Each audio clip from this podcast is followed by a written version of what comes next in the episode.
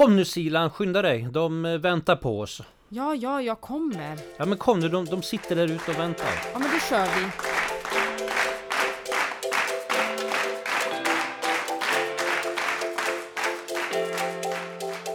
Välkommen till ännu ett avsnitt av Ledarens perspektiv. Idag möter vi en kvinna som förutom att vara ordförande för landets alla kommunchefer också leder arbetet i Skellefteå. En av landets mest expansiva kommuner där Europas största batterifabrik byggs just nu. Välkommen hit Kristina Sundin Jonsson. Tack så mycket. Och Kristina, du är född och uppvuxen i Skellefteå kommun. Um, hur kom det sig att du bestämde dig för att vara kvar och ta uppdraget som chef för ungefär 10 000 medarbetare? Eh, det var inget lätt beslut. Jag hade väldigt mycket vånda eh, i det. Eh, dels för att är man liksom, lever man och bor och verkar i en kommun eh, och tar ett sånt här uppdrag så blir det ju väldigt publikt. Det påverkar ju nära och kära och liksom så. Eh, men jag kände ju ändå att det här, just det här att jobba eh, med samhällsfrågor, att jobba med ja men, att skapa ett förtroende för det offentliga, att just den, de frågorna ligger mig så nära och ligger mig så varmt om hjärtat så att efter mycket vånda så tackar jag ja eh, till det här. Har det mött dina förväntningar, själva uppdraget? Jag kan nog säga att det första året, nu går jag faktiskt mot mitt eh, elfte år. Jag, det liksom har ju, tiden har gått så otroligt fort. Jag hade nog inte förväntat mig att stanna så länge. Men eh, första året var jättetufft tyckte jag. Ehm, just på grund av att egentligen hade jag aldrig jobbat nära politiker förut och, och i den här typen av, av organisation. man behöver nästan gå igenom en sån här stor organisation något år för att få se det hela årshjulet, vad det är som händer. Ehm, men eh, jag skulle nog säga att det har överträffat alla mina förväntningar och mer därtill. Ehm, det är ett fantastiskt roligt jobb. Svårt, utmanande ibland, tufft, men eh, jag går till jobbet med glädje i hjärtat. Det är jättekul. Hur skulle du vilja beskriva eh, utmaningarna för en svensk kommun idag? Ja, man brukar ju, det finns väldigt många utmaningar idag. Eh, jag kan sen prata om Skellefteå särskilt. Alltså någonstans så, så utmaningen är ju att vi behöver genomgå väldigt mycket förändringar. Dels för att våra invånare förväntar sig det. Dels för att vi ska klara välfärden med, med ekonomin, allt det här att vi blir allt äldre som försörjs av allt, allt färre. Ehm, och så sen det här med, med ja men, sist men inte minst, att få tag på kompetens. Alltså det här med kompetensförsörjning, det är ju tre gigantiska utmaningar. Det som Skellefteå då står för och det som Selan beskrev, det här med etableringen av, av Europas största batterifabrik och mer därtill, det är att vi ska försöka ja, men, skapa ett samhälle, ett samhälle som ska växa på enormt kort tid. Eh, och det har ju aldrig hänt tidigare i Sverige. Så att det är liksom både de här generella utmaningarna som alla kommuner ser. Sen är det nog lite extra att, att leva och verka i Skellefteå just nu. Berätta mer om detta då, för det är ju nästan lite Klondike, kan man inte säga det? Ja, eh, precis. Vi brukar inte benämna det Klondike för det är så faktiskt så väldigt mycket utmaningar här också. Nej, men vi ska ju ha Europas största batterifabrik kommer att eh, etablera så här eh, och Eh, 2025 eh, så kommer de ha 3000 anställda. De har ungefär 700 anställda idag och ökar eh, sin, sin del med ungefär 15 i veckan, 70 olika nationaliteter. Det är ett område som, som ja men för att ge det en bild så är det ett område som är större än Gamla stan. Kommer att producera, den här fabriken kommer att producera batterier till ungefär 600 000 fordon per år. Och sen tillkommer det då alla underentreprenörer att man försöker skapa det här ekosystemet så att vi har det är inte bara då Northvolt som kommer att etablera sig utan det kommer att etablera sig väldigt många andra stora företag som var och sig kanske sysselsätter mellan 2 till 500 personer. Så att det här är ju enormt och det mest unika i det här det är ju att den här delen ska vara klar 2025. Ehm, och vi startade ett väldigt stort arbete i Skellefteå för ungefär fem år sedan där Skellefteås utveckling inte alls gick åt, åt ett bra håll. Vi minskade befolkning och vi, vi såg stora utmaningar med att klara välfärden framåt. Och sen inträffade det här bara för då tre år sedan, ganska precis faktiskt, oktober 2017 fick vi det här beskedet. Och det innebär ju en total omställning. Tack vare det här utvecklingsarbetet som jag berättade om, då hade vi faktiskt inlett redan att börja investera och bygga skolor och förskolor och, och ny vattenförsörjning och allt det här. Men det här är, eh, det här är någonting alldeles särskilt. Eh, en sån här upprampning på så kort tid har ju aldrig hänt tidigare i Sverige. Och jag tror att eh, i Sverige är man rätt vana om det händer det negativa, att det sker stora nedläggningar. Men det här är egentligen samma sak fast precis tvärtom då, positivt. Så att det kommer att vara jättekul, men det kommer också vara jobbigt att vara Skelleftebo under de här åren för att det, det innebär väldigt stora förändringar.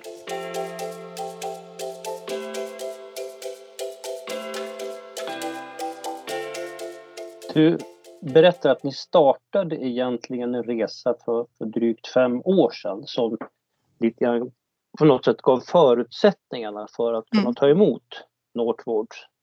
Eh, mm vad, vad innefattar den där utvecklingsresan som ni startade? Den här utvecklingsresan innefattade för det första med att eh, åka runt och berätta i ja, men, kommunens alla delar. Vad händer om vi inte vänder den här utvecklingen? Vi berättade fakta. Vi visade på eh, trender att Eh, ja, men dels fakta på att befolkningen hade minskat eh, och dels hur vi skulle, ja, men vår förmåga att klara välfärden inte skulle vara särskilt god framöver och vi vill ju ha hjälp. Vad är det vi eh, ja, men är bra på? Vilka fördelar finns för Skellefteå? Och jag tror att hela det här arbetet ledde då fram till en utvecklingsstrategi och vi satte ett ganska tufft befolkningsmål. 80 000 invånare år 2030. Eh, och idag är vi ungefär ja, men drygt 73 000 och det här befolkningsmålet var tufft. Det innebar att vi skulle växa som, egentligen som storstäderna. Men det gav också, hela det här arbetet tror jag också gav ett självförtroende till alla. Alltså vi fokuserade på våra styrkor, vi tog fram en strategi, vi tog fram en handlingsplan och utifrån det, jag brukar säga att då, tidigare kanske vi liksom mer pratade om vad kunde Sverige göra för oss. Vi fick en annan inställning nu, att vad, nu blev det snarare vad kan Skellefteå göra för Sverige? Alltså det finns väldigt mycket goda saker här uppe i norr och det behöver vi börja prata om. Så jag tror att hela den resan gav oss ett helt annat självförtroende faktiskt, att också våga söka nya vägar, eh, våga gå på etableringar som Northvolt och andra etableringar. Just för att vi såg att ja, men det finns så mycket gott här att kunna erbjuda andra. Om du skulle försöka beskriva vad har hänt med ledarskapet i kommunen under de här åren? Eh, jag tror att vi brukar beskriva det här, det här eh, till exempel med att jobba med etablering. Det är lite grann som, eh, lite grann som att jobba i en kris. Alltså man samlar sig väldigt mycket till ett mål. Jag tror att vi har fått ett mer samlat ledarskap. Jag tror att vi har fått ett ledarskap som jobbar mycket, mycket mer tillsammans. Inom kommunkoncernen har det blivit lättare att jobba, att man förstår att det ena hänger ihop, att vi inte klarar oss utan varandra. Det tror jag är den största delen.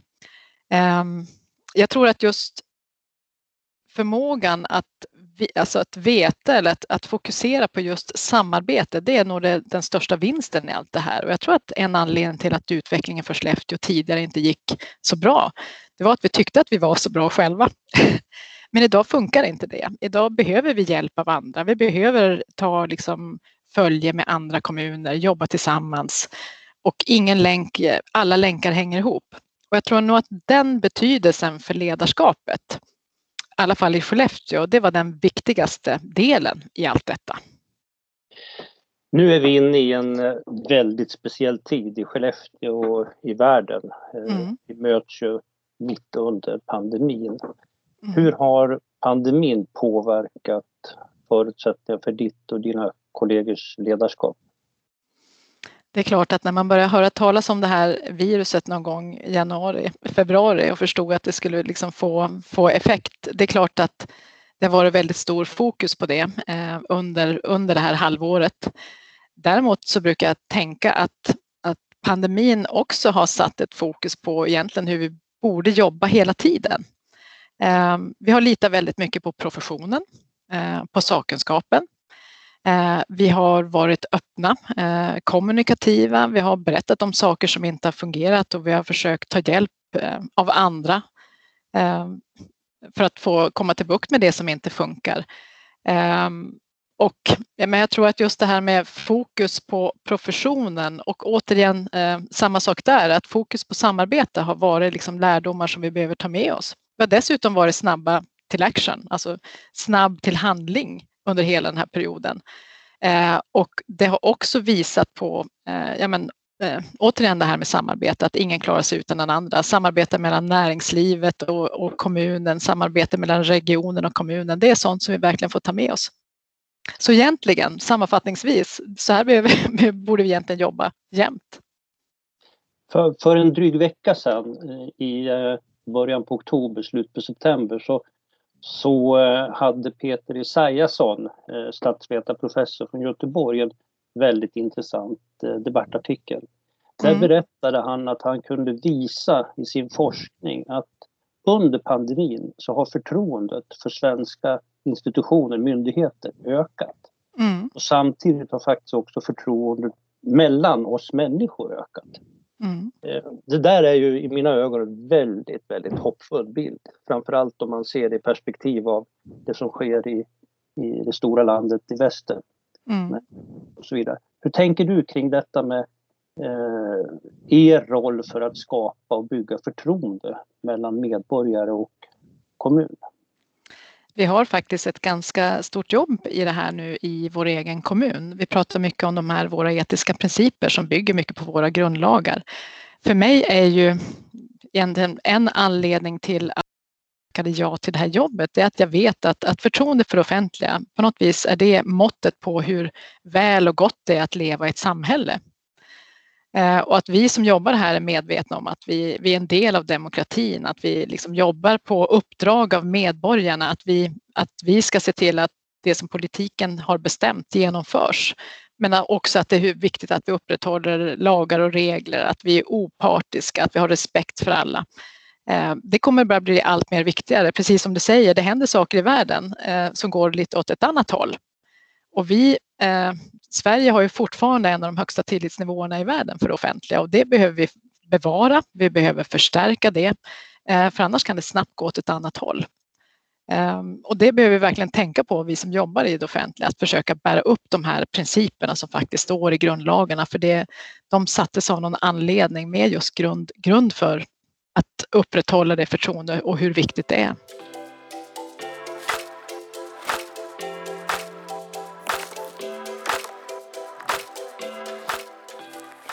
Under pandemin eh, så var du ganska snabb med att släppa lite speciella filmer. Mm. Där ni faktiskt gick igenom nuläge och vad som händer.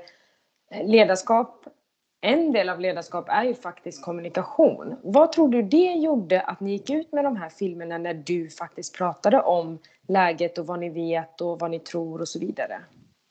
Nej, men jag tror att det är viktigt och jag tror att det är också en sak som man behöver ta med sig då framåt. Jag kör fortfarande de här filmerna. Jag började med två gånger i veckan. Nu kör jag en gång i veckan för att berätta om, om läget.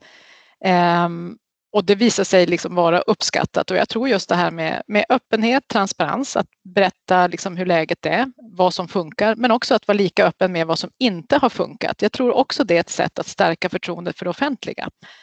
Um, det är en viktig del och, och det är klart att för mig blir ju delen med det kommunikativa och ett kommunikativt ledarskap, det, det, liksom, det tror jag är viktigt. Eh, sen finns det ju alltid, eh, finns ju alltid en del i det. Det är klart att jag tror att i en kris så, så är det viktigt att ja, men, den högsta chefen syns på ett tydligt sätt och visar liksom att man är med. Det, det, tror jag är betydelsefullt. Men sen handlar det lika mycket om att låta andra också synas och faktiskt visa vilken Eh, fantastisk verksamhet som görs. En del av de här filmerna har ju också varit att jag intervjuar människor i min organisation eh, om just vad som pågår och det är väl kanske just det fokuset som jag tror har varit bra. Finns det någonting annat eh, förutom kommunikation och att visa andra det som du anser är ett framgångsrikt ledarskap? Är det någonting under den tiden som du har varit ledare som du känner det här är verkligen en del av ett framgångsrikt ledarskap?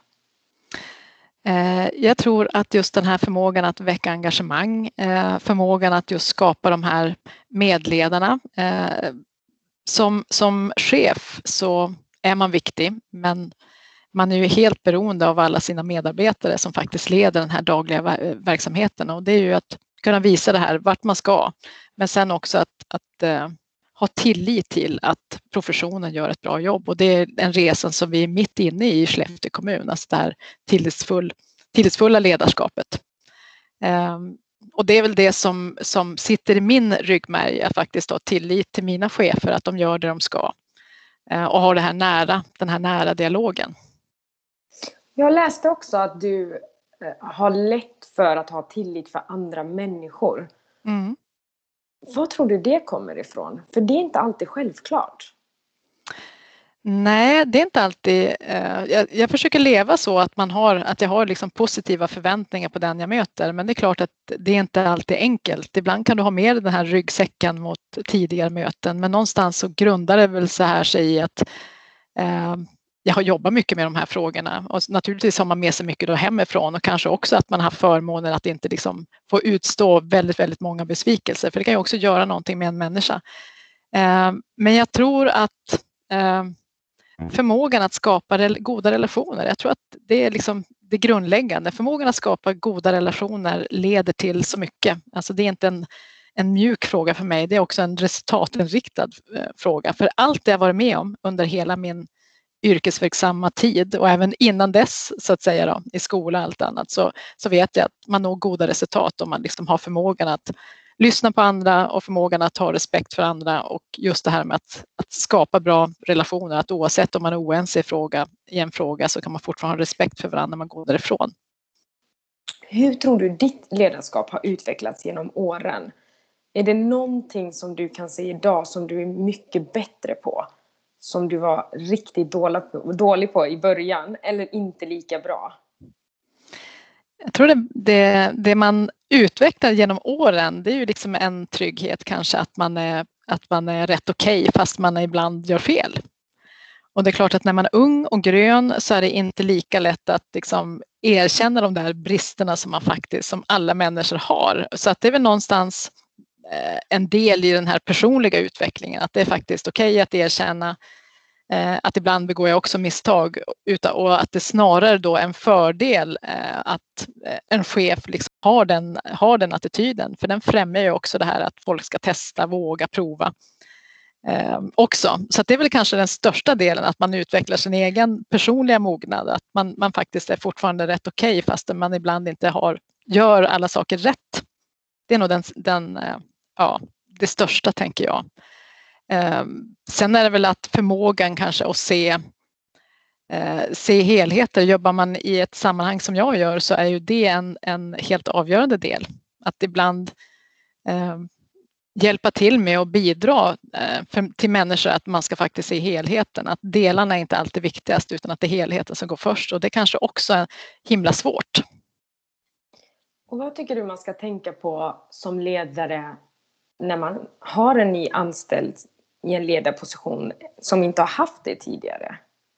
Att det första är nog att, att tänka att vara ödmjuk inför uppdraget och ta hjälp. Våga visa att du är sårbar, för det kommer också att skapa en trygghet i din egen, i din egen organisation. Ta hjälp, våga, våga prata om saker och ting som inte funkar. Eh, inse att eh, det är dina medarbetare som ofta sitter på väldigt goda idéer så att du behöver inte hitta alla lösningar själv. Eh, försök skapa ett klimat där du skapar de här medledarna och, och det här engagemanget. Ehm, eh, det skulle jag ha velat att någon sa till mig det första, liksom, våga visa dig sårbar och ta hjälp.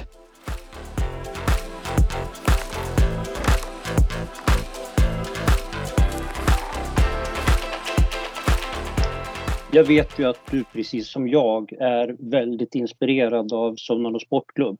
Du har ju mm. till och med spelat i det som en gång var Sveriges, ett av Sveriges bästa damfotbollslag. Mm. Inte i A-laget dock. Nej, men du var nära. ja. Och, och, och, och, min, min fundering är, hur, hur påverkade det jobb de gjorde på 80-talet? För de satte mm. ju verkligen ett, ett, ett språk eh, på, på detta med ledarskap. Mm. Det är klart att, att eh, det man genomgår nu är det offentliga Sverige, det här med tillitsbaserad styrning och ledning. Eh, jag känner ju igen alla parametrar i det, i det språk som då Sunnanå Sportklubb använde. Eh, och det är klart att det har, det har med mig under hela mitt egentligen yrkesverksamma liv. Det här med medledarskap, skapa engagemang, tro på individen och det kan handla om allt ifrån språkbruk till annat. Att att, eh, jag minns att det var en ledare där, där när man klagade på att eh, nu måste jag träna nu igen så sa man, ja men Kristina du måste inte träna, du vill träna för att du ska bli bättre. Och, och lite sådana här saker eh, har följt med mig så att det här ligger mig nära om hjärtat och, och eh, därför så, så kändes det lite grann som att komma hem när, när regeringen tillsatte den här tillitsdelegationen och det som då skulle genomsyra det offentliga Sverige. Det är ungefär det, det är den miljön som jag har skolats i och vuxit upp i. Du, du pratar mycket om att eh, samspelet med politiken. Mm. Skickliggöra politiken och vice versa, att politiken skickliggör er också naturligtvis som mm. tjänstepersoner. Mm. Jag tycker att en spaning man kan göra i kommunsverige att det sker en väldigt kraftfull kompetenshöjning i förvaltningsorganisationen. Mm. Eh, chefer och ledare är väldigt duktiga som regel. Ser du samma utveckling i politiken? Och nu menar jag inte att du ska recensera eh, Skellefteås politiker utan när du tittar i din roll som ordförande för Sveriges kommundirektörer. Sker det på samma sätt en, en positiv kompetenslyft bland landets kommunpolitiker? Eh, jag tror att det ser väldigt olika ut beroende på vilken kommun eh, som man, som man verkar i och det är naturligtvis det diplomatiska svaret. Eh, men ytterst så, så handlar det om det här. Det finns otroligt mycket skickligt ledarskap i, i kommunerna på tjänstemannasidan och det är precis som du säger att, att leda i en, en svensk kommun, det är ett svårt uppdrag som görs då att man tränas i, i Eh, väldigt många olika delar. Eh, ytterst så har vi olika roller och det, det, är väl det som är grunden att man får respektera. Vi lever liksom i en demokrati. Jag ska se till att de politiska besluten blir genomförda, även om jag ibland inte håller med om och jag tror att Eh, grunden är att du behöver respektera eh, den delen som, som du är med och verkar i. Vi lever i en demokrati och den, den respekten behöver jag ha. Sen handlar det precis om det här nära samtalet, att vi skickliggör varann. Eh, att jag får ge min bild av en speciell sakfråga. Sen måste jag förstå i slutändan att, att, att ibland kan det handla om att vinna val. Ibland är en sak eh, väldigt svår att genomföra för en politiker, inte minst av de här sakerna som är av negativ karaktär, exempelvis lägga ner en skola och så vidare, att, att, att det är väldigt svårt. De har ett otroligt svårt jobb och där behöver vi vara nära. Ehm, så att jag tror att ett nära samspel för ett par år sedan kom ju det här att kommundirektörerna och kommuncheferna skulle ha en kommundirektörsinstruktion. Men fortfarande så tänker jag att hur den än är formulerad eh, så, så har man inte en nära och en god relation och respektfull relation med den politiker som man jobbar nära, då funkar ingenting. Utan oavsett instruktioner eller allt, all annat så är det fortfarande den här väldigt nära relationen som behöver finnas där och respekten för att vi faktiskt har olika roller och ibland är vi inte ense.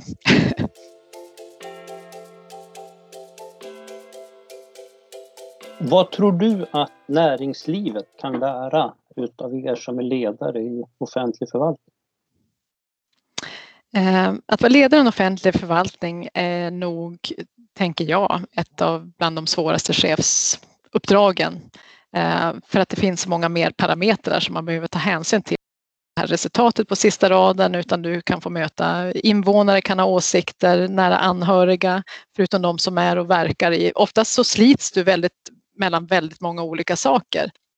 Jag tror att vi har mycket att lära av, jag tror att vi har mycket att lära av näringslivet på samma vis som de har, har att lära av oss näringslivet kanske eh, behöver ha en bättre förståelse hur mångfacetterat och komplext eh, det är att leda liksom en, en svensk kommun eller att vara ledare i någon annan offentlig verksamhet. Och också förstå eh, ja, men, vad, vilket uppdrag vi har och liksom hur viktigt det är fortfarande att vi upprätthåller det här förtroendet för det offentliga, vilket betyder att vi behöver upprätthålla också de delar som finns i våra grundlagar. Jag tror att vi behöver prata mer om varför. Jag tror att som ledare i en offentlig organisation så behöver vi bli mer kommunikativt duktiga och liksom kunna beskriva ibland varför vi tar vissa beslut och vice versa och skapa en förståelse.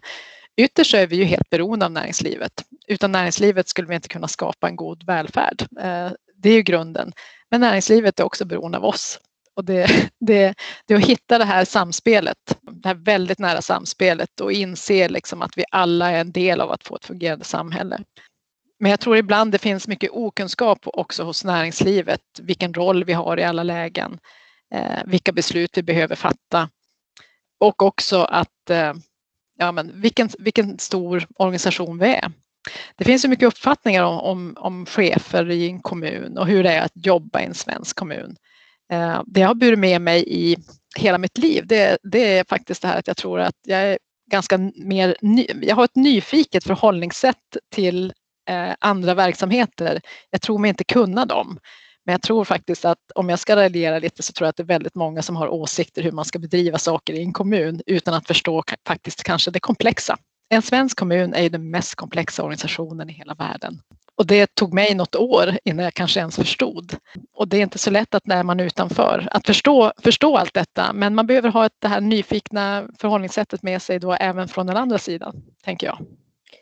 Och när du pratar om hur komplext det är och att det är så mångfacetterat. Och så mm. tänker jag att nu ska ni bygga Europas största batterifabrik.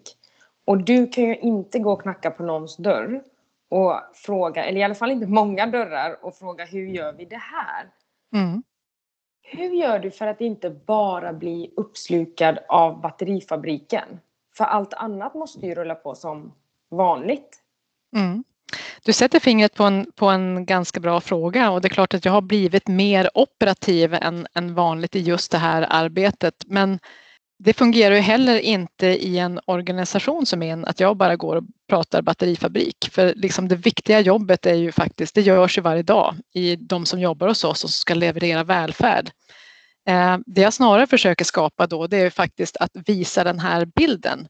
Eh, vad skulle ha hänt om vi inte hade fått en batterifabrik och vad kommer det liksom att innebära för möjligheter och utmaningar för oss eh, i effekter? Inte bara liksom att jag då pratar Northvolt utan av effekterna av att vi får en helt ny industri som, som kommer att hamna här i Skellefteå. Vad innebär det för oss som jobbar i välfärden? Det kommer att sätta enorm press på, på skola, på de som bygger vägar, Eh, Eh, på de som eh, liksom jobbar inom, inom äldreomsorg. Allt det här kommer att påverkas på något sätt och det vill snarare försöka ge den bilden.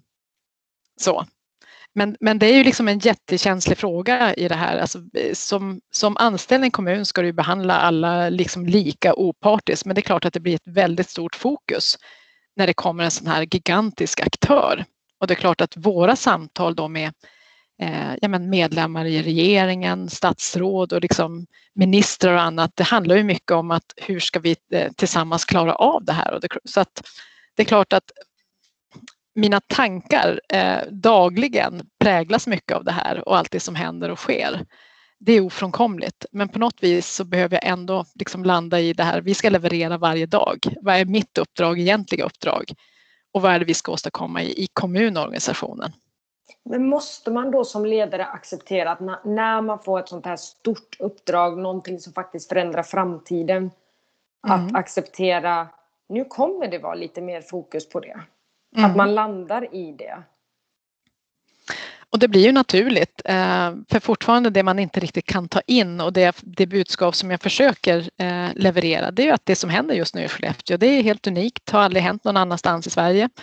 Ehm, och vi behöver hjälpas åt för att klara av det. Egentligen samma budskap som vi jobbade i det här 2030-arbetet eller samma budskap som vi har under pandemin. Att vi klarar inte det här själva utan vi behöver jobba tillsammans med andra för att det här ska ens vara möjligt. Och det här är en viktig fråga för Sverige. Det är liksom det som är grunden i allt. Det är inte bara en viktig fråga för Skellefteå eller norra Norrland utan det här är en jätte, jätteviktig fråga för Sverige. Och det är det som vi, den känslan som man behöver kunna förmedla. Jag tror att det är väldigt många fortfarande även i övriga Sverige som fortfarande inte riktigt har förstått vad som faktiskt händer här då i Skellefteå. Och nu får jag en bild, även fast du sa att man inte skulle tro vad kommunchefer jobbar med och få någon egen bild. Men nu tänker jag att du jobbar ganska mycket. Mm. Eh, rätta mig om jag har fel. Men min fråga är, vad gör du när du inte jobbar? För jag kan tänka mig att det är lite mycket det är lite mycket. Samtidigt så tror jag att jag är en person som alltid har engagerat mig i ett jobb. Eh, jag tycker det är roligt och då blir det automatiskt eh, att man jobbar. När jag inte jobbar så försöker jag väl hitta någon form av balans utan jag försöker träna, jag försöker äta bra, jag försöker sova. Alla de här flosklerna som man, som man egentligen ska säga. Va? De som funkar alltså? De som funkar faktiskt. Eh, så att det försöker jag lägga tid på. Sen, sen är det naturligtvis att jag har fokus på min familj och liksom, nu har jag en utflugen dotter som faktiskt har flyttat hem till Skellefteå nu, vilket är helt eh, fantastiskt. Hade jag inte liksom förväntat mig, som är klar med sina studier och har börjat jobba. Och jag har en man, så att vi försöker ju också göra saker tillsammans såklart. Eh, men det du ställer, det är ju liksom den här frågan, har man den här balansen alltid mellan liksom fritid och arbete? Och det är klart att alltid finns inte den här balansen och det får man också vara ärlig med. Men eh, man har ju den här visionen i alla fall och jag tror att jag är rätt bra på att koppla av när jag väl är ledig. Jag kan ligga liksom i soffan och se film en hel dag. Så. Och då kommer vi, som Peter Harrison sa, osökt in på frågan vad ser du för filmer som du vill bjuda oss på? Eh, vad är det för böcker du tycker att du skulle vilja dela med dig av till oss? Mm. Eh, just nu så ser jag faktiskt en eh, spansk serie som är eh, väldigt bra. Har bara kommit några avsnitt än som heter Patria. Ehm, sen eh, böcker så har jag faktiskt eh, nyligen läst eh, John Le Carré, en spionroman, hans senaste som faktiskt han har kommit ut med och den var också väldigt, väldigt bra. Tack så jättemycket Kristina att eh, du var med på vår podd idag. Och har du som lyssnare några tankar, funderingar eller frågor så hittar du mig och Mikael lite överallt på sociala medier. Återigen tack Kristina. Tack själv för att jag fick vara med.